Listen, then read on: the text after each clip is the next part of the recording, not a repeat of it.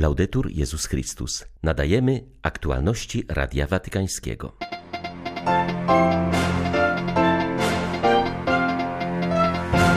Święty Józef jest jasnym świadkiem w mrocznych czasach. Pomyślałem, że w tej trudnej epoce potrzebny jest ktoś taki jak on, mówi papież podsumowując w wywiadzie dla L'Osservatore Romano rok świętego Józefa. W ciągu dwóch lat pandemii nie tylko przegapiliśmy wiele okazji do zmiany naszego podejścia, ale popełniliśmy też nowe niesprawiedliwości i stworzyliśmy kolejne nierówności, napisał papież w przesłaniu do biznesmenów. W życiu i twórczości Caravaggia nadal jest wiele tajemnic. Należy do nich m.in. wiara barokowego artysty.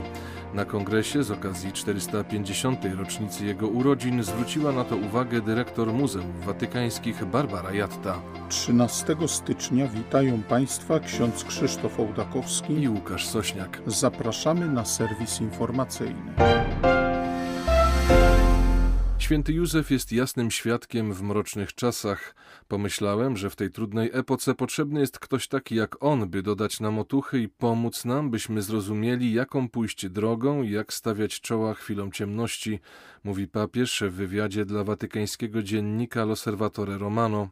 Dotyczy on ojcostwa i postaci świętego Józefa, któremu Franciszek poświęcił zakończony 8 grudnia specjalny rok i o którym nadal mówi w katechezach środowych. Franciszek przypomina, że święty Józef to człowiek trudnych czasów. Nasze czasy są trudne z powodu pandemii. Wiele osób i rodzin cierpi. Ludzie boją się śmierci i niepewnej przyszłości. Trudne były również okoliczności, w których świętemu Józefowi została powierzona troska o Syna Bożego. Napotykał ciemności, prześladowania, przeszkody i problemy. Mam nadzieję, że rok świętego Józefa pozwoli odkryć, iż obcowanie świętych to nie coś abstrakcyjnego, lecz rzeczywista więź, która ma też konkretne konsekwencje powiedział papież. Franciszek przyznał, że on sam zawsze miał szczególne nabożeństwo do tego świętego. Fakt, że jego Piotrowa posługa rozpoczęła się 19 marca w jego uroczystość, odbiera jako świadectwo wielkiej delikatności ze strony nieba i zapewnienie, że święty Józef będzie go wspomagał w tej misji. Mówiąc z kolei o ojcostwie, Franciszek przypomniał, że nikt nie rodzi się ojcem. Stając się ojcami, mężczyźni czerpią z własnych doświadczeń jako synów, nie mogą być jednak przez nie zdeterminowani, lecz muszą świadomie decydować, w jaki sposób chcą wypełniać swoje ojcostwo. Papież podkreślił, że dobry ojciec umie się wycofać we właściwym momencie, aby dziecko mogło zajaśnieć w całym swym pięknie i wyjątkowości. Ojcostwo przejawia się również w tym, że przygotowuje dzieci do podejmowania odpowiedzialności i życiowych wyborów. Franciszek przyznał, że nasze czasy odznaczają się nieumiejętnością podejmowania decyzji. Ludzie boją się konsekwencji własnych wyborów, nie chcą ryzykować. Dobry ojciec tymczasem pokazuje, że trzeba się liczyć z możliwością porażki. Nie wmawia dziecku, że wszystko pójdzie dobrze, ale uczy, jak radzić sobie z niepowodzeniami. W tym kontekście Franciszek podkreślił, że takiego ojcostwa potrzebuje również Kościół. Przyznał, że on sam często akcentuje macierzyńską tożsamość Kościoła, jego miłosierdzie, ale potrzebujemy też jego ojcostwa, bo miłość Boga uzdalnia nas do podejmowania decyzji, do wypłynięcia na głębie. Papież przyjął na audiencji przedstawicieli francuskiej akcji katolickiej, którzy odbywają pielgrzymkę do Rzymu pod hasłem Apostołowie dzisiaj. Franciszek zauważył, że droga do bycia skutecznymi apostołami zostaje ukazana w ewangelicznym opowiadaniu o uczniach idących do Emaus po zmartwychwstaniu Jezusa. Zaczynają oni od przypomnienia wydarzeń, które przeżyli, następnie rozpoznają w nich obecność Boga i na końcu działają, wracając do Jerozolimy. Chodzi zatem o trzy etapy procesu, na który składają się widzieć, rozeznawać i działać. Ojciec Święty zwrócił uwagę, że pierwszy krok polega na zatrzymaniu się na wydarzeniach, które składają się na nasze życie. Ważne jest dostrzec Boga obecnego w różnych momentach naszej historii. Drugim etapem jest dokonanie oceny, czyli rozeznania, w spotkaniu między wydarzeniami świata i naszego życia z jednej strony, a Słowem Bożym z drugiej, możemy rozpoznać wezwania, które Pan do nas kieruje. Naszą rolą jest wspieranie działania Boga w sercach, dostosowując się do rzeczywistości, która ciągle się zmienia. Ludzie, do których docierają wasze ruchy, mam tu na myśli w szczególności ludzi młodych, nie są już tacy sami jak kilka lat temu. Dzisiaj, zwłaszcza w Europie, ci, którzy uczestniczą w ruchach chrześcijańskich, są bardziej sceptyczni wobec instytucji, szukają mniej zobowiązujących i przelotnych relacji. Są oni bardziej wrażliwi na uczuciowość, a zatem bardziej podatni na zranienia, bardziej delikatni niż poprzednie pokolenia, mniej zakorzenieni w wierze, ale jednak szukający sensu i prawdy i nie mniej wielkoduszni. Waszym zadaniem jako akcji katolickiej jest dotrzeć do nich takimi, jakimi są, sprawić, by wzrastali w miłości do Chrystusa i bliźniego i doprowadzić ich do bardziej konkretnego zaangażowania, aby byli protagonistami w swoim własnym życiu i życiu Kościoła, aby świat mógł zmienić się na lepsze. Perché il mondo possa cambiare.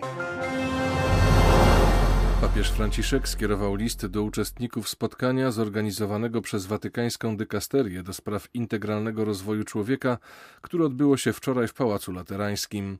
Wzięli w nim udział przedstawiciele Watykanu, Papieskiej Akademii Nauk oraz ekonomiści i biznesmeni. Sympozjum odbyło się pod hasłem Przygotowanie na przyszłość, a jego celem była refleksja nad metodami budowania zrównoważonej i przyjaznej człowiekowi gospodarki. Franciszek zaznacza, że w ciągu dwóch lat pandemii nie tylko przegapiliśmy jako ludzkość wiele okazji do zmiany naszego podejścia, ale popełniliśmy nowe niesprawiedliwości i stworzyliśmy kolejne nierówności. Brakuje troski o nasz wspólny dom, kuleje dystrybucja szczepionek, rośnie głód, ubóstwo i handel bronią, wylicza papież i zaznacza, że to głównie na świecie biznesu i finansów spoczywa odpowiedzialność za zmianę tego kierunku i ciężar poszukiwania kreatywnych rozwiązań. Zachęca uczestników spotkania do unikania pustosłowia, które wyraża się w deklarowaniu dobrych intencji i przypominaniu wzniosłych zasad. Wzywam Was do podjęcia konkretnych zobowiązań. Zróbcie to, co do Was należy, aby biznes i finanse służyły ludziom i naszej planecie. Niech miernikiem sukcesu nie będzie zysk i ekspansja, ale liczba osób, które dzięki Wam wyjdą ze skrajnego ubóstwa i znajdą godną pracę, czytamy w papieskim liście. 1 stycznia oficjalnie rozpoczęła się polska prezydencja w Organizacji Bezpieczeństwa i Współpracy w Europie. Z tej okazji podczas dzisiejszego specjalnego posiedzenia Rady Stałej OBWE w Wiedniu przemówienie wygłosił przedstawiciel Stolicy Apostolskiej przy tym gremium ksiądz Janusz Urbańczyk. Watykański dyplomata zachęcił państwa członkowskie OBWE do położenia nacisku na problem łamania prawa do wolności religijnej. Przypomniał słowa Jana Pawła II, który podkreślał, że stopień przestrzegania tego prawa jest najlepszym wyznacznikiem poszanowania wszystkich innych praw człowieka. Wyraził nadzieję, że szczególna uwaga polskiej prezydencji zostanie poświęcona stale rosnącej na świecie nietolerancji i dyskryminacji wobec religii. To zjawisko może wywołać konflikty na ogromną skalę, zagrażając bezpośrednio bezpieczeństwu i stabilności obszaru OBWE, podkreślił ksiądz Urbańczyk. Przypomniał też słowa papieża Franciszka do korpusu dyplomatycznego. Podczas noworocznego przemówienia Ojciec Święty wyraził zaniepokojenie z powodu zmniejszającej się skuteczności wielu organizacji międzynarodowych w radzeniu sobie ze współczesnymi wyzwaniami. Dlatego z zadowoleniem przyjmujemy deklarację polskiego przewodnictwa, że wszystkie głosy będą wysłuchane i wzięte pod uwagę, powiedział ksiądz Janusz Urbańczyk. Tajemnica Caravaggia to hasło rozpoczętego w formie wirtualnej Międzynarodowego Kongresu poświęconego życiu i twórczości barokowego malarza z okazji 450. rocznicy jego urodzin. Wczoraj mowa była innymi o jego wierze.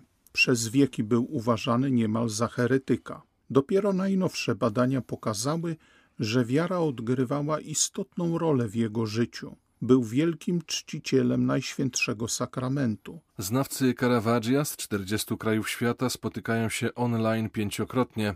Ostatnia sesja przewidziana jest na 28 stycznia. Wczorajszą moderowała dyrektor Muzeów Watykańskich Barbara Jatta.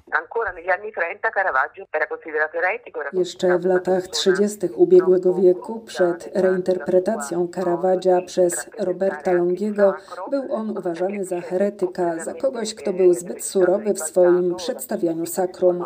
Wizja ta została obalona przez badania prowadzone w ciągu ostatnich 70 lat. To nie przypadek, że dziś na nowo odkrywane są wiara i duchowość Caravaggia. Od udziału artysty w 40-godzinnym nabożeństwie eucharystycznym po włączenie jego autoportretu do malowanych przez niego dzieł sztuki sakralnej. W muzeach watykańskich znajduje się to, co wielu uważa za niekwestionowane arcydzieło lombardzkiego malarza złożenie Jezusa do grobu. Kiedy powstawała Pinakoteka, obraz ten został umieszczony w centralnym miejscu sali barokowej. Dzieło pochodzi z rzymskiego kościoła Santa Maria in Vallicella, z którego zostało zabrane podczas kampanii napoleońskiej i wystawione w Louvre we Francji. W 1815 roku staraniem Kanowy zwrócono je do Rzymu i trafiło do Watykanu. Obraz świadczy o wielkiej pobożności artysty. Liczba chrześcijan w Izraelu od chwili narodzin tego państwa systematycznie wzrasta. Jest to niewielki, ale stały wzrost. Maleje natomiast w ujęciu procentowym w porównaniu z przedstawicielami innych religii, czyli Żydów, muzułmanów i Druzów. Wynika z najnowszych danych opublikowanych przez Centralne Biuro Statystyki Izraela. W Izraelu mieszka obecnie 182 tysiące chrześcijan, co stanowi niemal 2% populacji kraju. W 2020 roku liczba chrześcijan wzrosła w państwie żydowskim o prawie 1,5%. Ponad 75% chrześcijan zamieszkujących tę ziemię to palestyńscy Arabowie. Większość niearabskich chrześcijan zamieszkuje tereny Jaffy i Tel Awiwu. To głównie emigranci, którzy przybyli do Izraela w ciągu ostatnich kilkudziesięciu lat z krajów byłego Związku Radzieckiego w ślad za swoimi żydowskimi krewnymi. Należy pamiętać, że izraelskie statystyki biorą pod uwagę jedynie obywateli chrześcijańskich, którzy na stałe i legalnie przebywają w Izraelu. W zestawieniu nie znajdziemy więc tysięcy pracowników zagranicznych, mieszkających w tym kraju nierzadko przez wiele lat, którzy stanowią fundament niektórych wspólnot kościelnych Ziemi Świętej. 84% izraelskich chrześcijan twierdzi, iż jest zadowolonych ze swoich warunków życia. Arcybiskup Tomasz Peta z Astany w Kazachstanie w przesłaniu nadanym w telewizji państwowej wezwał swoich współobywateli do zrobienia wszystkiego, co możliwe, aby w sposób pokojowy rozwiązać obecny kryzys w kraju. Wyraził ubolewanie z powodu tragicznych wydarzeń ostatnich tygodni, w których życie straciło prawie 200 osób. Opłakujemy ofiary, powiedział, prosząc duchowieństwo archidiecezji o odprawienie dziś mszy w intencji ofiar i o pokój w Kazachstanie. Źródła związane z papieskim stowarzyszeniem Pomoc Kościołowi w Potrzebie podają, że sytuacja w Astanie jest obecnie dość spokojna, podczas gdy w Aumatach na południu kraju, gdzie starcia były poważniejsze, nadal występują problemy z komunikacją internetową i urządzeniami mobilnymi. Biskup Aumaty i przewodniczący konferencji episkopatu Kazachstanu Jose Luis Luis Mumbiela mógł przyłączyć się do wezwania do modlitwy w Narodowym Dniu Żałoby za Ofiary. Tutaj w Aumatach dziękujemy wszystkim za modlitwy, współczucie i troskę, powiedział hierarcha. Chcemy pamiętać w naszych modlitwach o tych, którzy najbardziej ucierpieli w ostatnim tygodniu. Biskup dodał, że musimy pamiętać, iż pokój jest w naszych rękach i zależy od nas, błogosławieni, którzy wprowadzają pokój. Nie ograniczajmy się do modlitwy o pokój, ale z Bożą pomocą twórzmy pokój dla innych. W tym celu kontynuował, spróbujmy odbudować Kazachstan, o jakim wszyscy razem marzymy. Były to aktualności Radia Watykańskiego. Laudetur Jezus Chrystus.